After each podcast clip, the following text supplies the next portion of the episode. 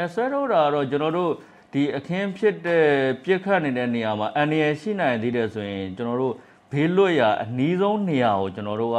အန်ရယ်ကင်းစွာဆွဲထုတ်တာပေါ့နော်အဲ့ဒီမှာခြေထောက်ထိခိုက်ထားတဲ့လူဆိုလို့ရှိရင်တော့ထိခိုက်တဲ့ခြေထောက်ကိုမထိခိုက်တဲ့ခြေထောက်ရဲ့အပေါ်မှာထပ်ပြီးတော့ကျွန်တော်တို့ကတင်ပြီးဆွဲထုတ်သွားရမှာဖြစ်ပါတယ်ဗျဒီပခုံးရဲ့အပေါ်ဒီဟိုဟာကိုကျွန်တော်တို့လက်နဲ့မြဲမြဲဆုပ်ပြီးတော့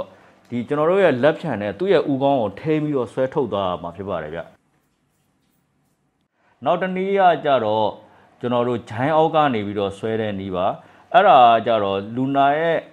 ဒီနှလုံးကိုလည်းကျွန်တော်တို့မညှစ်ရပါဘူးဂျိုင်းကိုလည်းကျွန်တော်တို့ကဆွဲကုတ်ထားတာမဟုတ်ဘဲနဲ့လက်ထည့်ပြီးတော့လက်သီးစုပ်နဲ့ပဲကျွန်တော်တို့ဆွဲသွားတာဖြစ်ပါတယ်